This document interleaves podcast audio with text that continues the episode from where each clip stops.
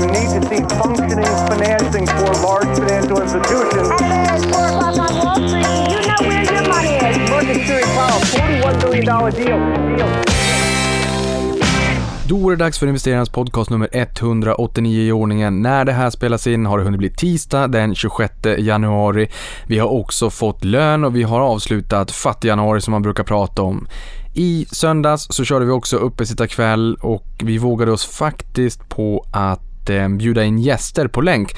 Det är lite annars när man har varit ungefär 15 personer som har ansvarat för en produktion till att vara två, där båda är programledare i rutan under livesändningen de här två timmarna och samtidigt sköta allting annat också. Men eh, vi lär oss ganska mycket från gång till gång. Vi tycker att det är roligt. Nu sköter vi bildmixen simultant samtidigt som vi kör. Det vill säga att kamera 1, kamera 2, en dataingång med eh, grafik och ytterligare en, eh, en källa, en ingång med, eh, med länkar då på Zoom och där hade vi med oss både Fredrik Skoglund från Avanza småbolag by Skoglund och Sean George från Hamiltonian, hans hedgefond.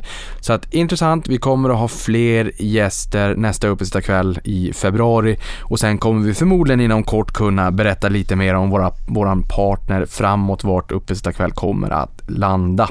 Så det är bara in och kika på senaste avsnittet om det är så att man vill det.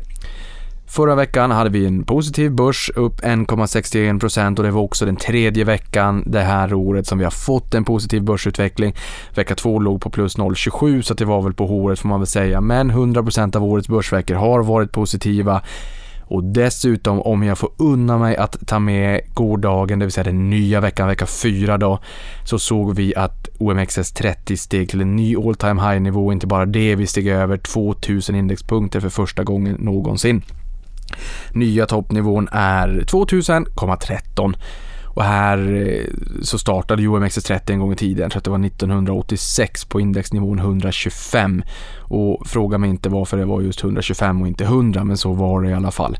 Och nu har vi alltså nått 2000,13 som är rekordet. Och här är det ju en bank och verkstad som jag har pratat om det här skiftet mot eh, cykliska, mot eh, eftersläntare och eh, mot pandemiförlorare. Nu är det inte riktigt lika många pandemiförlorare kanske i OMXS30 även om de finns där.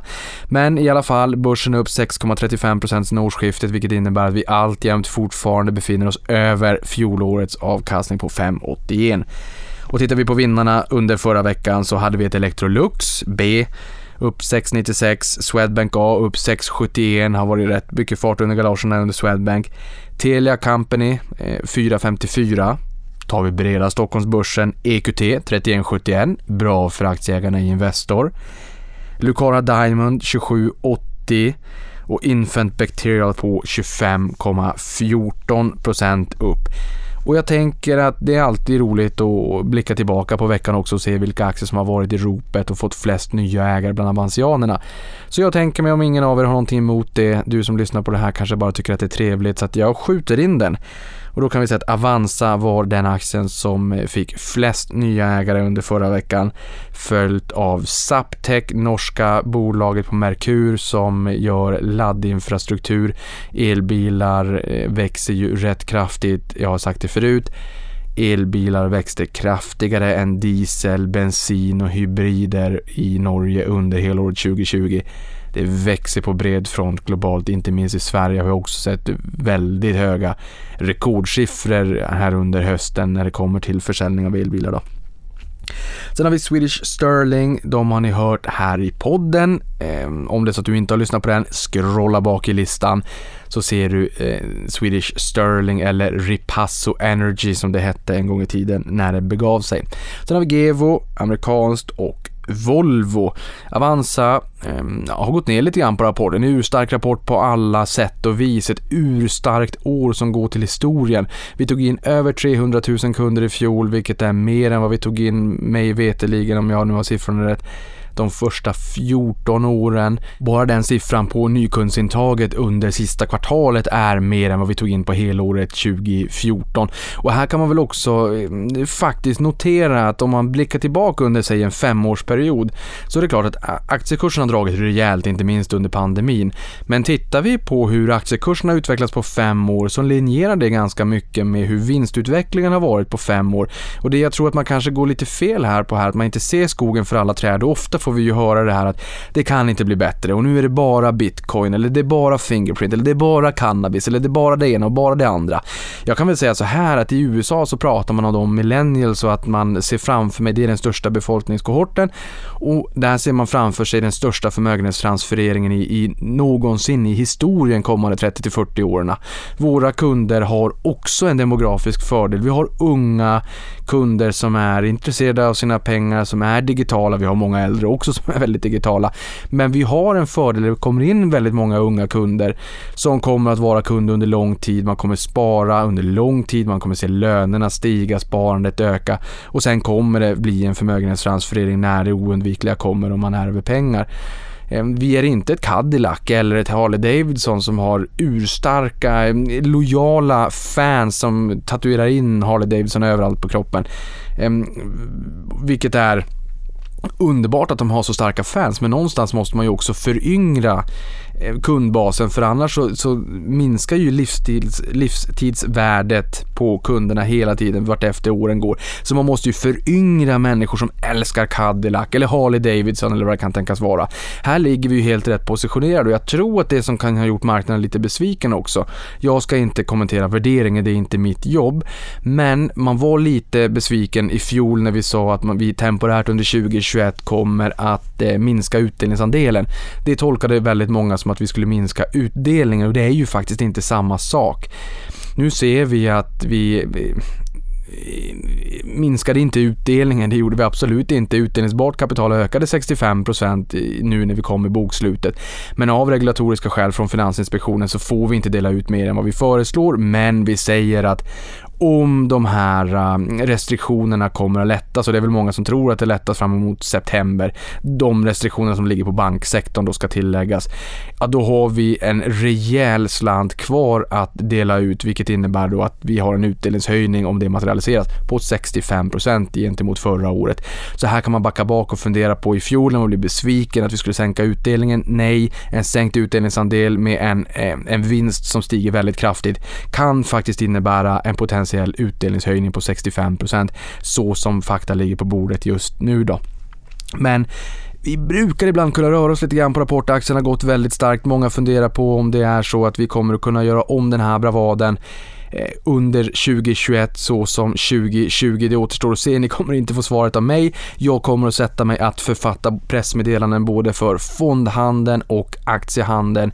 Börjar med fondhandeln imorgon, pressmeddelas på torsdag och sen så kommer aktiestatten pressmeddelas på fredag och sen nästa vecka så får vi månadsstatistiken då. Hur många nya kunder vi har fått in under månaden, hur mycket inflöde, hur mycket kapital vi har fått in och hur många aktieaffärer som har gjorts. Spännande statistik, missa inte det helt enkelt. Men fortsatt tittar vi på sen årsskiftet hos oss väldigt, väldigt mycket fokus alltjämt på förnybar energi. Det här är en trend som definitivt har följt med in i 2021 och som kommer fortsätta eh, vara ett starkt tema under eh, åtminstone en tid framöver. Jag kan inte tänka mig någonting annat. Det är oerhört starkt den här trenden bland kunderna. Att intresset är stort där också. Och det är klart att det för ju med sig eh, risker också, att det blir lite euforiskt och att man bränner sig. Så att var försiktig. Några höjdpunkter under veckan. Joe Biden svors in som USAs 46 president. Trump var inte med eh, här och, eh, inte firade, det är ju fel ord såklart, men han var inte med på plats. Joe Biden har tidigare sagt att det är det första jag och Donald Trump är överens om. Nu är Joe Biden inte president elect utan han är president. Sen har vi Castellum som för fastighetsbolaget då som eh, föreslog en höjd utdelning för 23 året i rad. Och man räds inte heller kontorsdöden. Och att det är ändå en, en rätt hygglig temperatur i fastighetsbranschen. Här får man ju också fundera kring, okej, okay, 23 året i rad nu, det börjar närma sig Sveriges första utdelningsaristokrat om vi ska kopiera eh, trenden från USA då med Dividend Aristocrats som är bolag som har höjt utdelningen minst 25 år i rad och sen Dividend Kings som har höjt utdelningen minst 50 år i rad. Castellum upp och kampar här. Vi får se vad huvudstaden gör helt enkelt men, men eh, intressant. Och man kan väl också säga att kampen om norska Entra fortsätter allt jämt. Balder har ju över 20%, det sa jag i förra avsnittet. Erik Selin kommer hit i början på februari. Ehm, man är inte intresserad av att bjuda upp till dans vad gäller Castellums eller SBBs bud på, på Entra helt enkelt. Ehm, så att fortsatt Eh, dramatik får man väl säga om man vill eh, unna sig lite dramaturgisk sötma. Sen har vi amerikanska Russell 2000 småbolag har eh, stigit med 46% senast jag kollade sen i september i fjol. Det har varit rejält drag. I Sverige så har vi ju sett att eh, det har varit fördel eh, ja men, värde och Eh, en pandemiförlorare och man seglar tillbaka till, till de här typerna av sektorerna och kanske säljer kursvinnarna som har fått stryka på foten lite grann i alla fall. Pennorna har slagit tillbaka lite grann. Det är en viss rotation alltjämt fortfarande faktiskt. Det har man sett i många kursvinnare under förra året att de har fått en liten bräck. Man säljer av, man tar hem lite vinster. I USA är det ju tvärtom. Där är det de här megatex, de här stora bolagen som får stryka på foten lite grann och man eh, skjutsar in pengarna i mindre bolag helt enkelt. Det är ganska på påtagligt faktiskt. Så att eh, lite upp och nervända eh, världen får man väl säga. Men å andra sidan så här är ju de stora eh, techbolagen som har gått extremt bra också. Tech är ju nästan 30% av eh, S&P 500 och de fem största står väl för en 20-25% av indexet. Så det är väl rimligt kan man säga. Och en av de techbolagen jag tänker att vi ska prata lite mer om här i avsnittet också, eh, Netflix. Men för att ta några bolag i Russell 2000 här då som har gått allra bäst senaste kvartalet så ser vi också att det finns en röd tråd och här har vi ett Fuel Cell Energy som är upp 549% och det här är alltså inte senaste året utan det är senaste tre månaderna. Det har varit euforiska uppgångar men det är klart att tar du ett Russell 2000 med väldigt många indexkomponenter och sorterar efter vilka som har gått bäst så är det klart att de aktierna kommer ju att har gått väldigt, väldigt bra. Men det ger ju inte helheten. Men som sagt, indexet är upp 46% på, på lite mer än ett kvartal. SM Energy upp 441%, Lexicon Pharma 354, 3D Systems 323 och Silvergate Capital 317. Så det är ju verkligen inga små uppgångar. Någonting annat jag har noterat är att Morgan Stanley har tagit in Adyen som ett toppick för 2021 där de säger Global Leader in Online Payments och betalningar kommer ju fortsätta trenda, inte minst de mobila dito. här är ju Adyen ganska agnostiska för vilken typ av plattform det är oavsett om det är i handel eller i fysisk butik. Eh, och för de av er som inte känner till Adyen riktigt, eh, backa tillbaka i min backlog av avsnitt också. Jag gästades av Adyens finanschef, här holländskt, så det är på engelska. Eh, och ni vet ju vi svengelska, vi, vi som tycker att vi är ehm, flytande på engelska och sen inser vi att när man spontan som jag är och älskar utsvävningar och sen så vill man spåra iväg någonstans och inser att man måste tänka två sekunder extra för att hitta orden.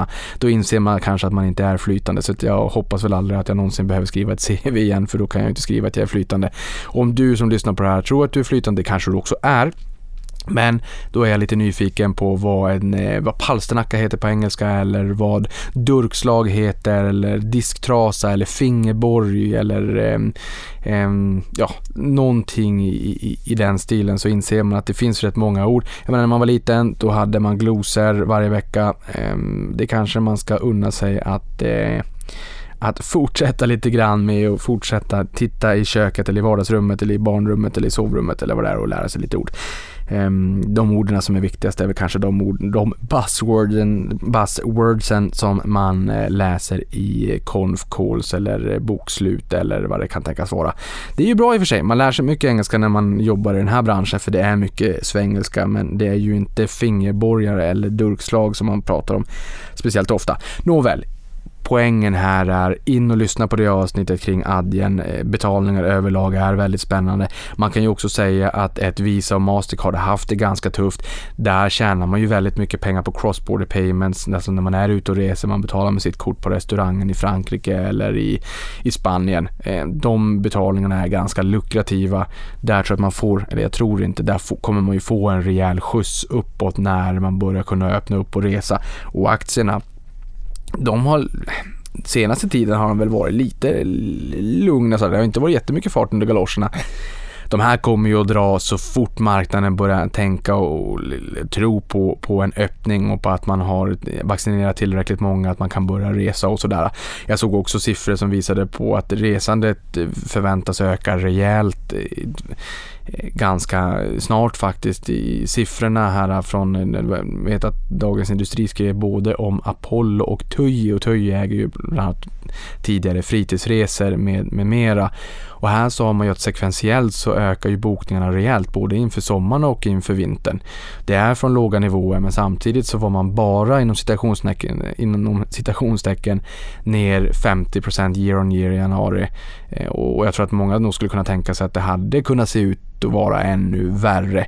Så att när resandet ökar igen, inte bara i Sverige, vi är en liten marknad utan globalt så kommer vi också se cross-border payments öka och vi kommer se att det gynnar eh, Visa och Mastercard. Visa, där fick de ju stryka på foten när det kommer till Plaid-affären och det var ju lite synd. Jag tror att de värderade den där till 5,3 miljarder dollar och där hade man fått knapra i sig teknologi för eh, konto till konto betalningar ungefär så som ett Swish funkar eh, för att minska på marginalen sitt beroende av den infrastrukturen som man har byggt upp inom både Visa och Mastercard för att betalning konto till konto kommer rimligtvis att öka. Så det var lite synd, men vi kanske kan hoppas på att Plaid kommer till börsen istället. Problemet är ju bara att om Plaid kommer till börsen så lär det inte vara en värdering på 5,3 miljarder utan det kommer vara förmodligen mycket, mycket mer än så. Någonting annat jag tycker är intressant under veckan är Netflix som rapportskrällde. Där steg aktien 17% och adderade närmare 300 miljarder kronor till börsvärdet, vilket var den bästa dagen på fyra år. Och jag har några spaningar som jag gärna vill dela med mig kring rapporten. Som ett bolag som ingår i Jim Cramers akronym FANG och FANG är ju två numera, både Apple och Amazon, fortsätter att driva trots att Netflix är väldigt stort. Så på tal om Netflix, det man berättade för marknaden här att i samband med rapporten förra veckan så meddelade man att man växte med 8,4 miljoner subs i Q4, det vill säga nästan ett helt Sverige och man växte med 37 miljoner abonnenter under helåret 2020. Totalt har man nu passerat milstolpen 200 miljoner abonnenter. Man ligger på 203,7 miljoner abonnenter och man såg en rejäl studs uppåt också under pandemin självfallet när det blev lockdowns här och var runt om i världen. Vi har inte riktigt sett det i Sverige, men där fick vi en rejäl skjuts uppåt.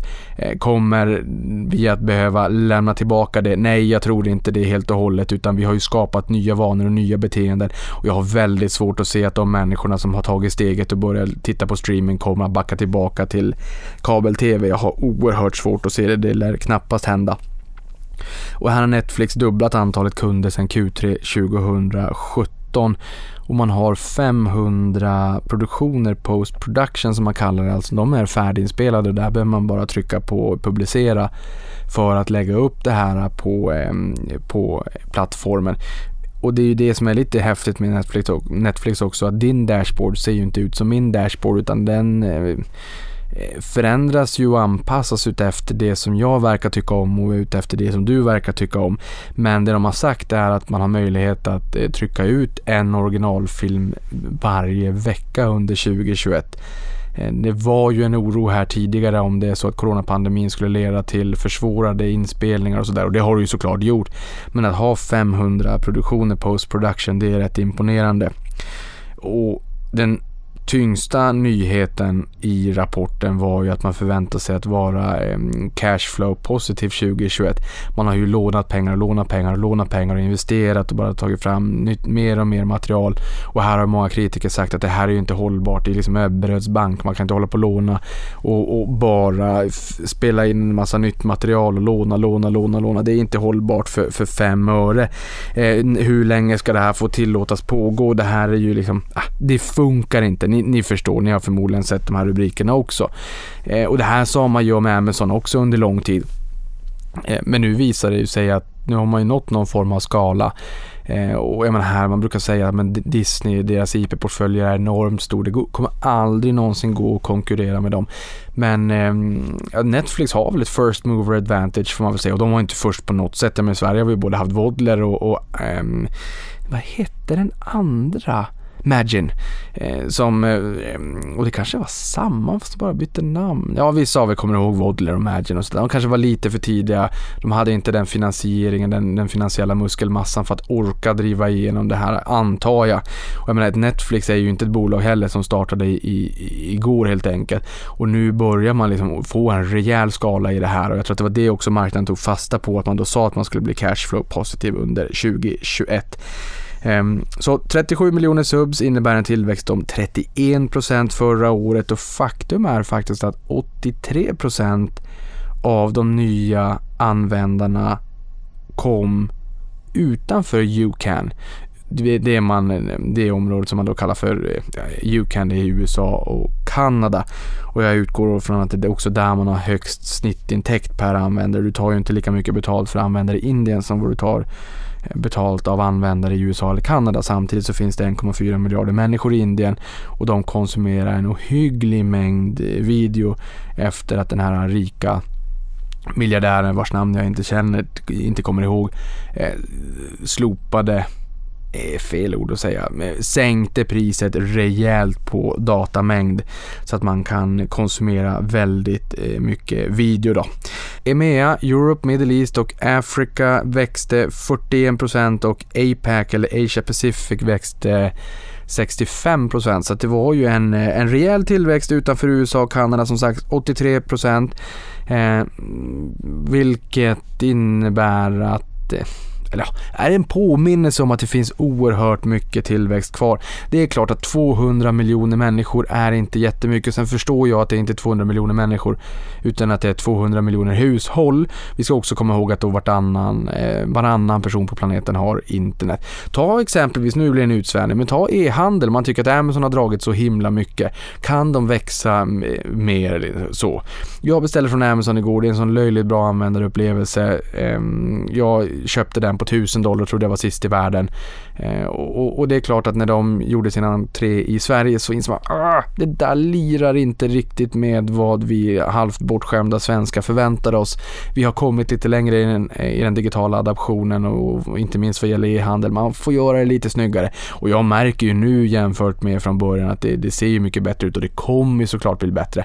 Men ta ett Mercado Libre som är e-handel ehm, i Sydamerikas Amazon om man så säger.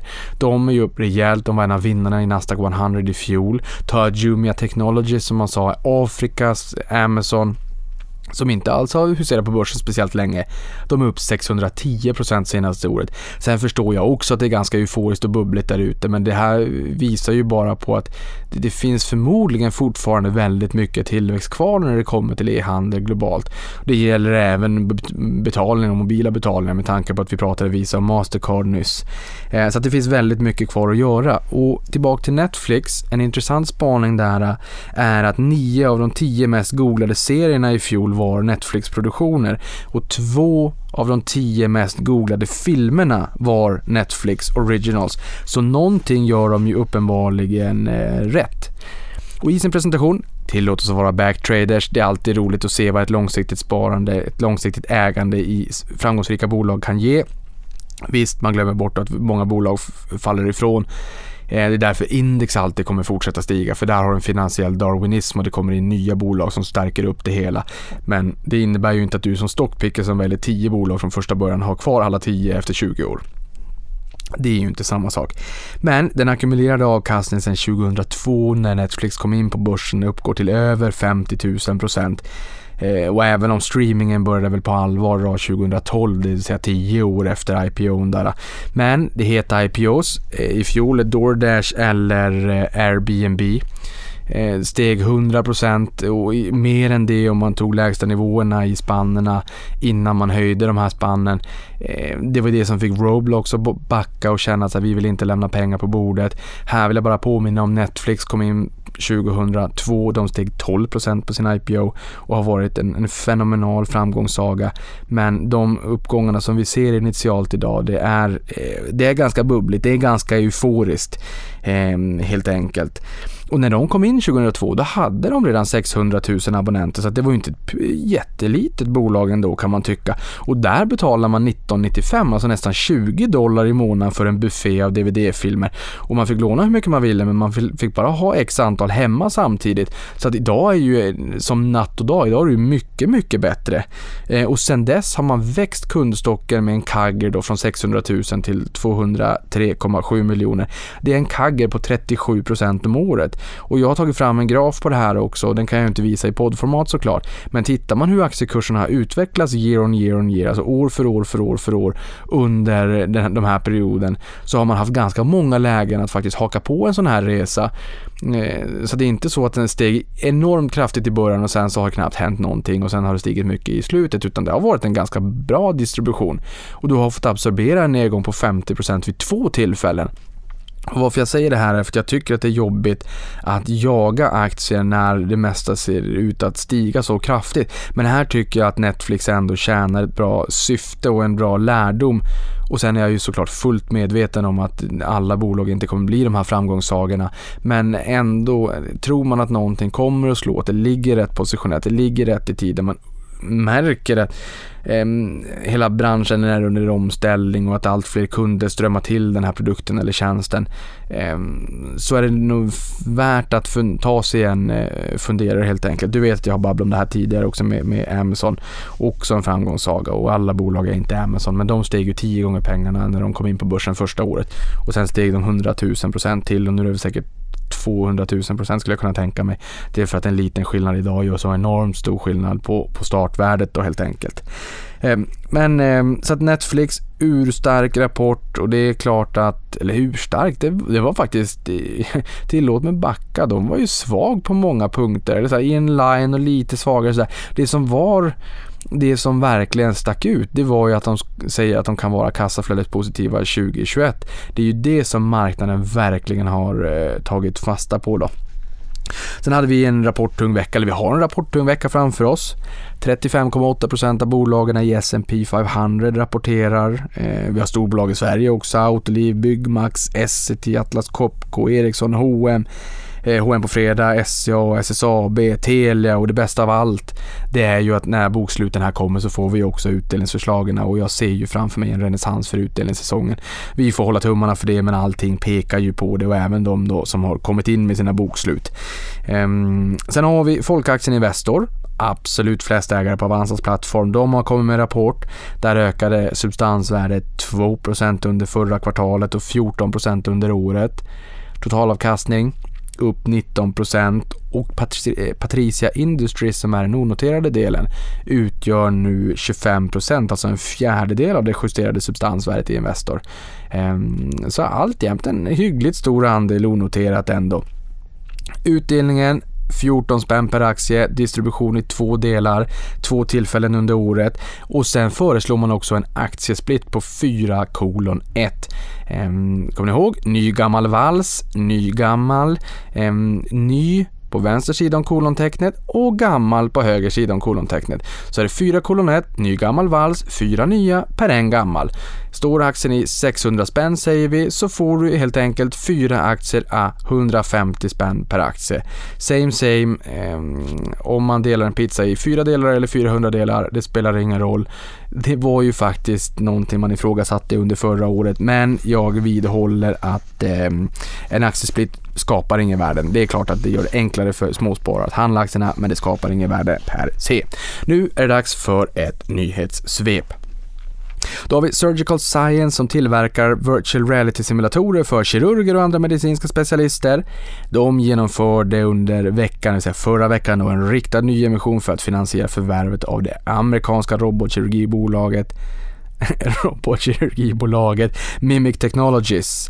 Totalt fick man in eh, 322 miljoner kronor i emissionen som genomfördes till en premie om 1% jämfört med dagens stängningskurs onsdagens stängningskurs skulle det vara, alltså då i, innan det här, eh, innan man tog in de här pengarna. Vilket är ganska kaxigt. Man tar ju ofta in pengar till en viss rabatt. Här tog man in pengar till en premie. Jag kan också tänka mig post-corona, post-pandemic, vilket enormt berg av operationer det måste vara där ute. Det borde spela robotkirurgibolagen rakt i händerna för att behovet ökar ehm, för de operationerna som ehm, robot kirurgibolagen kan hjälpa till med för det kommer vara rätt tufft att arbeta bort det här berget skulle jag kunna tänka mig.